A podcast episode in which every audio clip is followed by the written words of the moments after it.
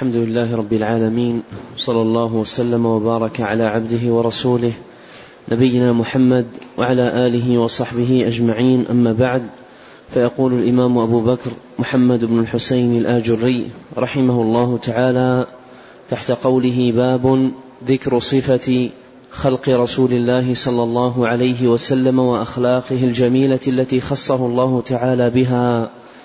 قال حدثنا أبو أحمد هارون بن يوسف بن يوسف بن زياد التاجر قال حدثنا مكرم بن محرز بن المهدي نسبة إلى الأزد ويكنى مكرم بأبي القاسم. قال حدثنا بهذا الحديث في سوق قديد قال مكرم حدثني أبي عن حزام بن هشام بن حبيش صاحب رسول الله صلى الله عليه وسلم قتيل البطحاء يوم الفتح. حزام المحدث عن أبيه عن جده حبيش بن خالد هو أخو, عاتي هو أخو عاتكة بنت خالد التي كنيتها أم معبد.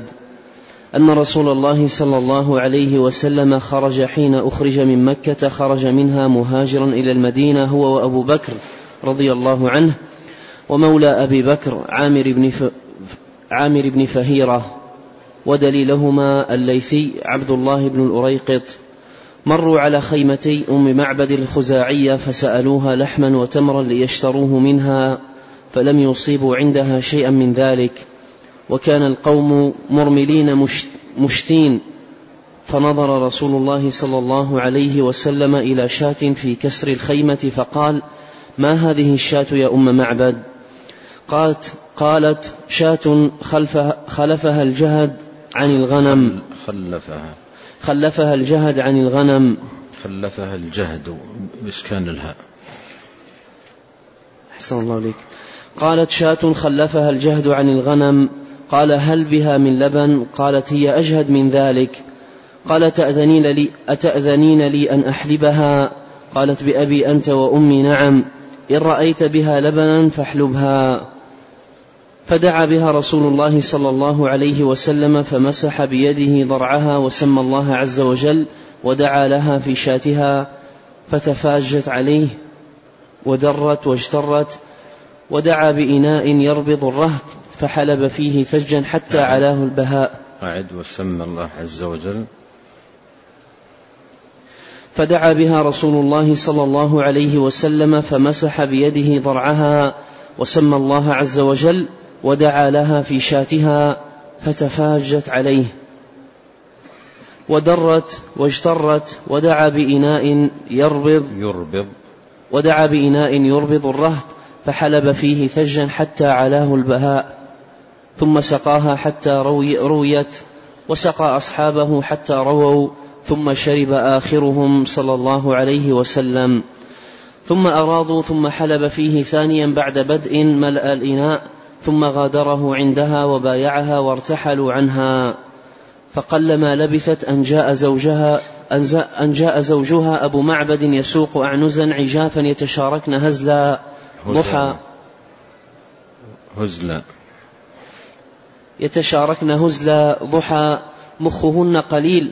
فلما رأى أبو معبد اللبن عجب. وقال من أين لك هذا اللبن يا أم معبد؟ والشاة عازب حيال. ولا حلوبة في البيت. قالت لا والله إلا أنه مر بنا رجل مبارك من حاله كذا وكذا. قال صفيه لي يا أم معبد. قالت رأيت رجلا ظاهر الوضاءة أبلج الوجه حسن الخلق لم تعبه نحلة ولم تزر به صعلة. لعلها حسن الخلق. حسن أحسن الله عليكم.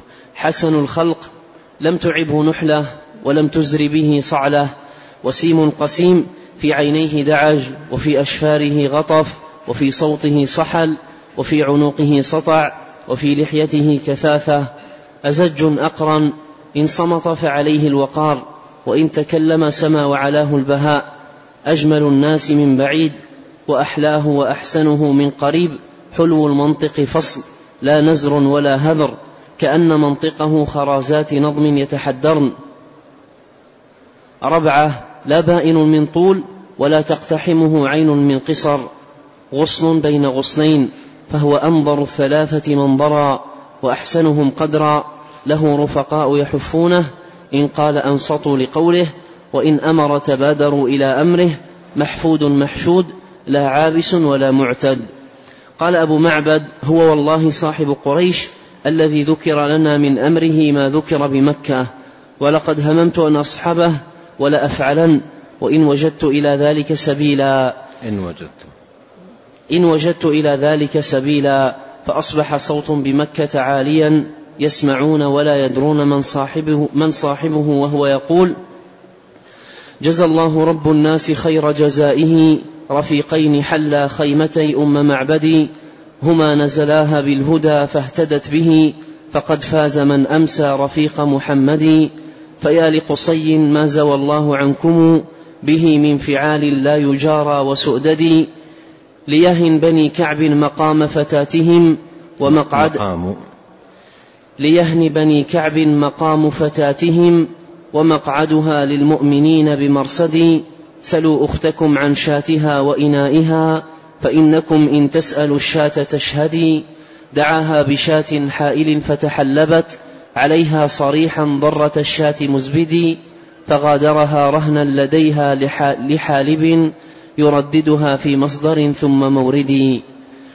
قال فلما سمع حسان بن ثابت الأنصاري رضي الله عنه شاعر النبي صلى الله عليه وسلم بهتف الهاتف شبب يجاوب الهاتف وهو يقول لقد خاب قوم زال عنهم نبيهم وقدس, وقدس من يسري إليهم ويغتدي ترحل عن قوم ترحم عن قوم فضلت عقولهم وحل على قوم بنور مجدد.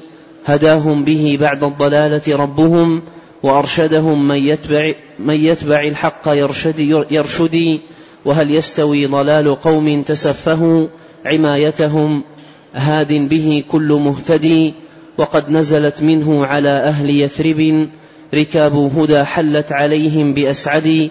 نبي يرى ما لا يرى الناس حوله ويتلو كتاب الله في كل مسجد وإن قال في يوم مقالة غائب فتصديقها في اليوم أو في ضحى الغد ليهن أبا بكر سعادة جده بصحبته من يسعد الله يس من يسعد الله يسعد ليهن بني كعب مقام فتاتهم مقامه. ليهن بني كعب مقام فتاتهم ومقعدها للمؤمنين بمرصد. قال مكرم معنى قولها مكرم مضبوط عندك. فتح الراء. مكرم. أحسن الله عليك قال مكرم معنى قولها يربض الرهط أي يربض. الرهط يرويهم والعازب يرويهم. يرويهم؟ يرويهم. يربضهم أي يرويهم. أحسن الله عليكم. يرويهم والعازب الغائب عن أهله والحيال التي قد مر لها حول وليس بها لبن ولم يقربها فحل.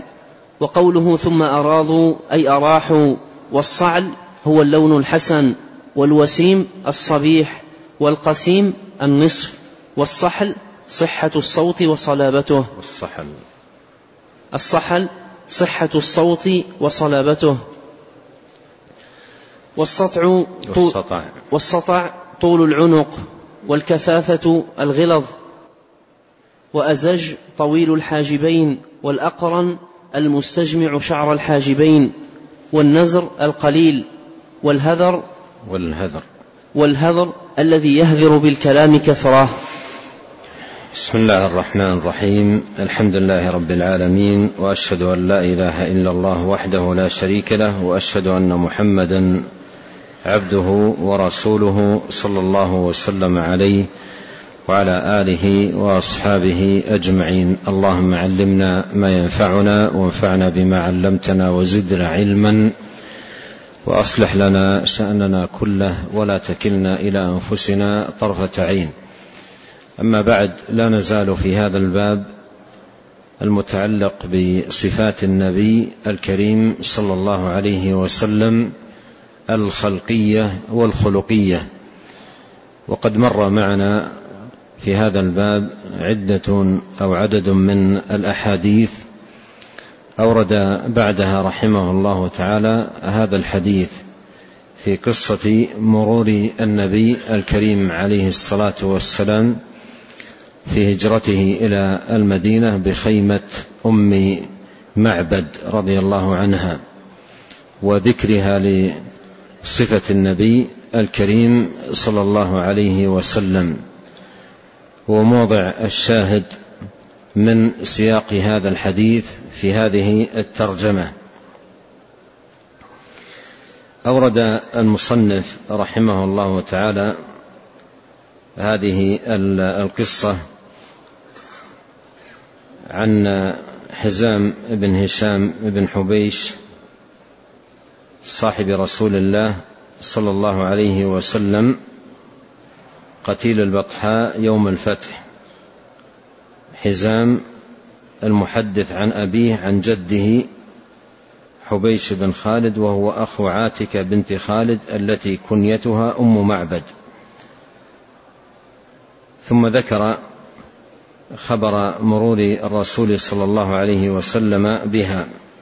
أن رسول الله صلى الله عليه وسلم خرج حين خرج من مكة خرج منها مهاجرا إلى المدينة هو وأبو بكر رضي الله عنه ومولى أبي بكر عامر بن فهيرة. ودليلهما الليثي عبد الله بن الأريكط مروا على خيمة أم معبد الخزاعية فسألوها لحما أو تمرا ليشتروه منها. فلم يصيبوا عندها شيئا من ذلك. قال وكان القوم مرملين مشتين. مر بهذه الخيمة صلوات الله وسلامه عليه وقد أصابهم من الجهد ما أصابهم والحاجة إلى الطعام والشراب فأرادوا أن يتزودوا منها بالشراء. فما كانت تملك شيئا ممن من الطعام وذلك أنهم كما وصفت في الحديث كانوا مرملين مشتين.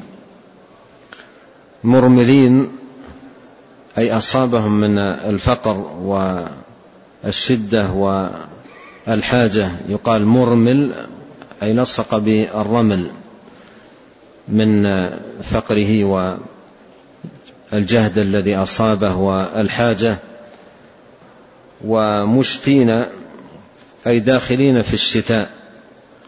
وأحيانا تعبر العرب بهذا التعبير إشارة إلى المجاعة والجهد. ويروى بدل قول قولها مشتين مسنتين أي أصابتهم سنة أو سنة. وهو القحط والجدب في الأرض. فمر بهذه الخيمة وهذه حالها. وأيضا الغنم التي عندهم والماشية أصابها من الهزال والجهد الشيء العظيم.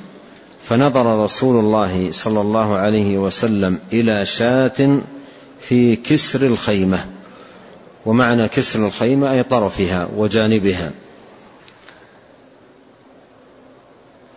وهذه الشاة تخلفت عن بقية الشياه وأيضا الشياه التي ذهبت ترعى ولا مرعى يشبع كلها هزيلة كما سيأتي. لكن هذه الشاة بقيت في كسر الخيمة لأنه أصابها من الجهد أشد مما أصاب بقية الغنم. فقال ما هذه الشاة يا أم معبد؟ قال قالت شاة خلفها الجهد عن الغنم. خلفها الجهد يعني أصابها من الجهد ما قد أصبحت معه لا تستطيع أن تلحق بالغنم. قال هل بها من لبن؟ قالت هي أجهد من ذلك. هي أجهد من ذلك. قال أتأذنين لي أن أحلبها؟ قالت بأبي أنت وأمي نعم إن رأيت بها لبنا فاحلبها. فدعا بها رسول الله صلى الله عليه وسلم فمسح بيده ضرعها وسمى الله عز وجل ودعا لها في شاتها أي بالبركة فتفاجت عليه. أي فتحت الشاة ما بين رجليها. فتفاجت عليه أي فتحت ما بين رجليها للحلب أي لتحلب. ودرت واجترت. الاجترار لا يكون إلا عن شبع. لا يكون إلا عن شبع. فاجترت أي اجترت طعاما تمضغه بفمها ثم تبلعه مرة أخرى. ودعا بإناء يربض الرهط. الرهط من الثلاثة إلى العشرة ومعنى يربضهم أي يرويهم حتى يلازموا الأرض من شدة الريع والاكتفاء. دعا بإناء يربض الرهط أي يكفيهم فحلب فيها ثجا. والثج السيلان يعني حلب حلبا درت درا شديدا. ومنه قول الله عز وجل وأنزلنا من المعصرات ماء ثجاجا أي سيالا حتى علاه البهاء أي الوعاء الذي حلب فيه علاه البهاء أي وبيص الزبد ولمعانه. ثم سقاها سقاها حتى رويت أي بدأ بها عليه الصلاة والسلام. لم يبدأ بنفسه ولا أيضا بصاحبيه وإنما بدأ بها فشربت حتى رويت وسقى أصحابه حتى رووا ثم شرب آخرهم. صلوات الله وسلامه وبركاته عليه. ثم أراضوا أي ارتاحوا. لازموا الأرض للراحة. ثم حلب فيها ثانيا بعد بدء. يعني حلبت هذه الشاة قبل قليل وعادة إذا حلبت لا تصبح مهيئة للحلب. على إثر حلبها بل يحتاج أن ينتظر حتى يتكون فيها الحليب مرة أخرى ثم تحلب وهذا يحتاج إلى وقت. إن حلبت في أول النهار لا تحلب إلا في آخره. وإن حلبت في آخر النهار لا تحلب إلا في الصباح. لكن حلبها مرة ثانية بعد أن كان حلبها قبل قليل حتى ملأ الإناء. حتى ملأ الإناء الإناء الذي تقدم معنا أنه يربض الرهط. يعني يروي الرهط. ليس شيئا قليلا الحليب الذي خرج منها وإنما حلبها بإناء يربض الرهط ثم شرب هذا الإناء ثم حلب حلبت مرة أخرى حتى ملأ الإناء ثم غادر عندها وبايعها أي على الإسلام. وارتحلوا عنها. وارتحلوا عنها. وارتحلوا عنها جاء أيضا في بعض الروايات والشاة رهنا للحلب أي جاهزة لأن تحلب فيها حليب. وارتحلوا عنها فقال فقلما لبثت أن جاء لبثت أن جاء زوجها أبو معبد يسوق أعنزا عجافا يتشاركن هزالا. أي يشتركن في الهزال. كلهن على درجة واحدة في الهزال والضعف والجهد. يتشاركن هزلا. ضحى أي جاء بهن في وقت الضحى مخهن قليل أي من الجهد والضعف. فلما رأى أبو معبد اللبن عجب. وقال من أين لك هذا اللبن يا أم معبد؟ والشاة عازب. أي بعيدة عن المرأة المرعى. ما ذهبت ترعى مع الغنم. وهي في الوقت نفسه حيال لم تحمل. ولا يوجد أيضا حلوبة في البيت شاة تحلب. فمن أين هذا الحليب؟ قالت والله قالت لا والله إلا أنه مر بنا رجل مبارك من حاله كذا وكذا. قال صفيه لي يا أم معبد. قالت رجل رأيت رجلا ظاهر الوضاءة ظاهر الوضاءة يعني وجهه يشرق نورا وضياء وبهاء وحسنا أبلج الوجه أي مشرق الوجه وضيء الوجه حسن الخلق أي في قوامه وبشرته وهيئته. لم تعبه نحلة أي دقة وضعف. النحلة النحول وهو الهزال والضعف. ولم يزر به صعلة. ولم يزر به صعلة. وسيم قسيم. المراد بقولها وسيم قسيم أي حسن جميل. في عينه دعج. في عينه دعج.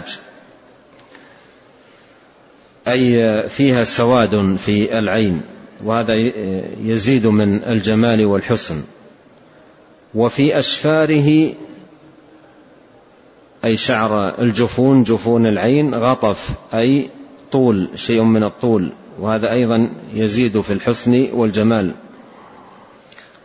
وفي صوته صحل أي بحة وهي إذا كانت ليست شديدة تزيد من حسن الصوت وجماله. وفي عنقه سطع أي شيء من الطول. وفي لحيته كثاثة.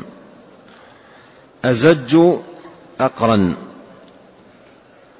قولها أزج الزجج في الحاجب تقوس فيه مع شيء من الطول وهذا يزيد في الجمال. وأقرن المراد بالقرن الالتقاء بين الحاجبين. لكن جاء في بعض الأحاديث أنه أزج في غير قرن. إن صمت فعليه الوقار.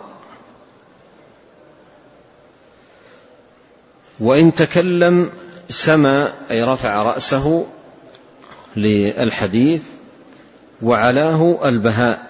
أي الحسن والجمال. أجمل الناس من بعيد.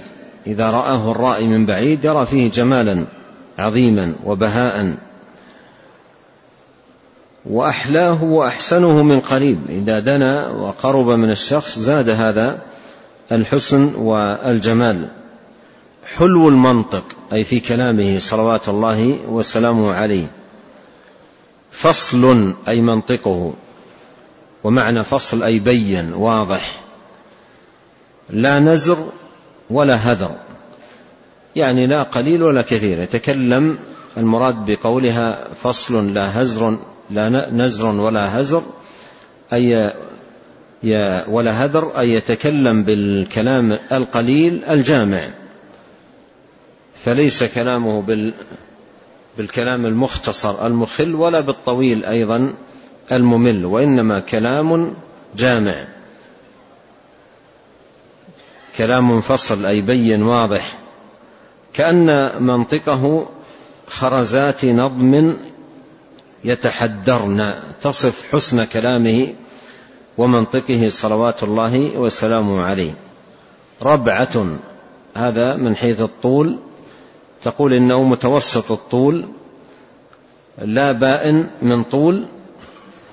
يعني ليس بالطويل البائن شديد الطول ولا تقتحمه عين من قصر تقتحم أي تحتقره وتزدريه.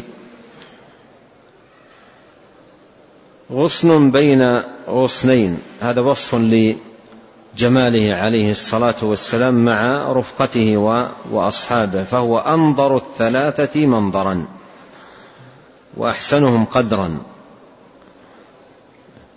تصف حاله عليه الصلاة والسلام مع رفقته الثلاثة. له رفقاء أي أصحاب يحفونه محتفين به معتنين به عارفين بقدره ومكانته عليه الصلاة والسلام. إن قال أنصتوا لقوله. وإن أمر تبادروا إلى أمره. محفود محشود أي محتفين به مكرمين له قائمين حقوقه عليه الصلاة والسلام. لا عابس أي الوجه ولا معتد أي ظالم. قال أبو معبد هو والله صاحب قريش الذي ذكر لنا من أمره ما ذكر بمكة. ولقد هممت أن أصحبه ولأفعلن إن وجدت إلى ذلك سبيلا. قال فأصبح صوت بمكة عاليا. قيل إنه صوت بعض مسلمة الجن. يسمعون ولا يدرون من صاحبه. وهو يقول جزى الله رب الناس خير جزائه رفيقين. حل خيمة أم معبدي. هما نزلاها بالهدى فاهتدت به لأنها بايعت رضي الله عنها. فقد فاز من أمسى رفيق محمد صلى الله عليه وسلم ورضي عن رفيقه أبي بكر صديق الأمة. فيا لقصي ما زوى الله عنكم. لأنه هاجر عليه الصلاة والسلام وتركهم بعد أن اشتد الأذى عليه في مكة. ما زوى الله عنكم به من فعال لا تجازى وسؤدد. ليهني بني كعب مقام فتاتهم. ومقعدها للمؤمنين بمرصد أي أم معبد. سلوا أختكم عن شاتها وإنائها. هذا آية من آيات النبوة. هذا آية من آيات نبوته عليه الصلاة والسلام. سلوا أختكم عن شاتها وإنائها. فإنكم إن تسألوا الشاة تشهدي إن تسألوا الشاة تشهد أي تشهد للنبي. عليه الصلاة والسلام دعاها بشاة حائل. تقدم معنا المعنى وأصابها من الهزال والضعف والجهد ما أصابها فتحلبت. عليه صريحا أو صريح ضره الشاة مزبد. أي أن ضرع الشاة أصبح يثج الحليب ويسيل منه الحليب بشدة مع أنها كانت هزيلة. ثم مع ذلك كله فغادرها رهنا لديها لحالب أي جاهزة لأن تحلب مرة أخرى. يرددها في مصدر ثم مورد. قال فلما سمع حسان بن ثابت الأنصاري رضي الله عنه شاعر النبي صلى الله عليه وسلم بهتف الهاتف شبب ليس هذا من التشبيب الذي هو الغزل وإنما المراد بشبب أي أجاب بهذه أجاب هذه الأبيات أو أجاب الهاتف وهو يقول لقد خاب قوم زال عنهم نبيهم وقدس من يسري إليهم ويقتدي أي فازوا من أتاهم النبي الكريم صلوات الله وسلامه وبركاته عليه. ترحل عن قوم فضلت عقولهم. أن هذا حرمان من الخير. وحل على قوم بنور مجدد هداهم به بعد الضلالة ربهم وأرشدهم. من يتبع الحق يرشد وهل يستوي ضلال قوم تسفهوا عمايتهم؟ هاد به كل مهتدي أي لا يستوي هؤلاء الضلال مع المهتدي إلى صراط الله المستقيم.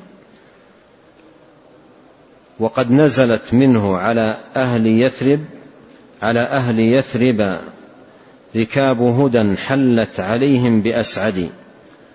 نبي يرى ما لا يرى الناس حوله ويتلو كتاب الله في كل مسجد صلوات الله وسلامه عليه. وإن قال في يوم مقالة غائب فتصديقها في اليوم أو في ضحى الغد يشير إلى آية من آيات النبوة أنه إذا أخبرهم بأنه يكون كذا أو يقع كذا أو يحصل كذا فإنه في اليوم نفسه أو من الغد يأتي الشاهد على ذلك وهذا من براهين نبوته صلى الله, صلى الله عليه وسلم ليهني أبا بكر سعادة جده أي حظه ونصيبه. بصحبته من يسعد الله يسعد.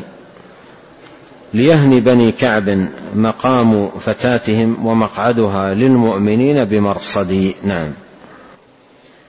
قال رحمه الله تعالى وحدثنا أبو أحمد أيضا قال حدثنا مكرم قال حدثني يحيى بن قرة الخزاعي ثم الكعبي قال يحيى لما أنهتف الهاتف بمكة لمخرج رسول الله صلى الله عليه وسلم لم يبق بيت من بيوت المشركين إلا انتبه بهتف الهاتف فاستيقظوا فلما أن أصبحوا اجتمعوا ثم قال بعضهم لبعض سمعتم ما كان البارحة؟ قالوا نعم سمعناه.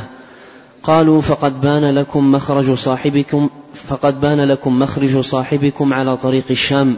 من حيث تأتيكم الميرة على خيمة أم معبد بقديد. اطلبوه فردوه من قبل أن يستعين عليكم بكلبان العرب. فجم بكلبان العرب. بكلبان العرب. فجمعوا سرية من خيل ضخمة فخرجت في طلب رسول الله صلى الله عليه وسلم حتى نزلوا بأم معبد.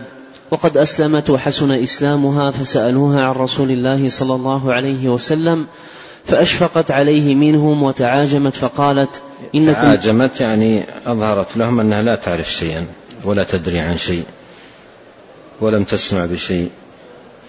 نعم. وتعاجمت فقالت إنكم سألتموني عن أمر ما سمعت به قبل عامي هذا وهي صادقة. صادقة لأنها قالت قبل عامي هذا وهي ما سمعت به إلا قريب. نعم. وهي صادقة فلم تسمعه. هذا يسمى تورية. نعم. وهي صادقة فلم تسمعه إلا من رسول الله صلى الله عليه وسلم. تخبروني أن رجلا يخبركم بما في السماء. إني والله لأستوحش منكم. ولئن لم تنصرفوا عني لأصيحن في قومي عليكم فانصرفوا. ولم يعلموا من رسول الله صلى الله عليه وسلم بوجه. ولم يعلموا من رسول الله صلى الله عليه وسلم توجه أي جهة. ولو قضى الله الكريم أن يسأل الشاة من حلبك من حلبك؟ من حلبك لقالت محمد رسول الله وذلك أنها جعلت شاهدة.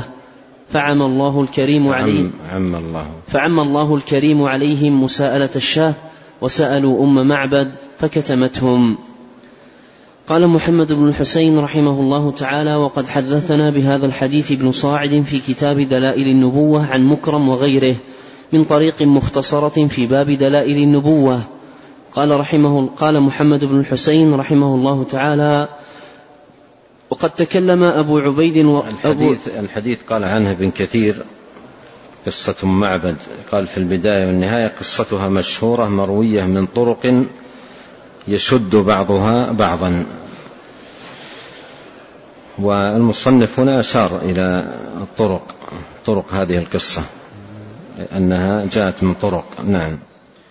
صلى الله عليكم قال محمد بن الحسين رحمه الله تعالى وقد تكلم أبو عبيد وغيره في غريب حديث أم معبد فأنا أذكره فإنه حسن يزيد الناظر فيه علما ومعرفة فقوله في أول الحديث وكان القوم مرملين مشتين يعني مرملين قد نفد زادهم. وقوله مشتين يعني دائبين في الشتاء وهو الوقت الذي يكون فيه الجدب وضيق الأمر على الأعراب. وقوله في الشاة فتفاجت عليه يعني فتحت ما بين رجليها للحلب. وقوله دعا بإناء يربط الرهط أي يروهم حتى يثقلوا أو حتى يثقلوا فيربضوا. والرهط ما بين الثلاثة إلى العشرة.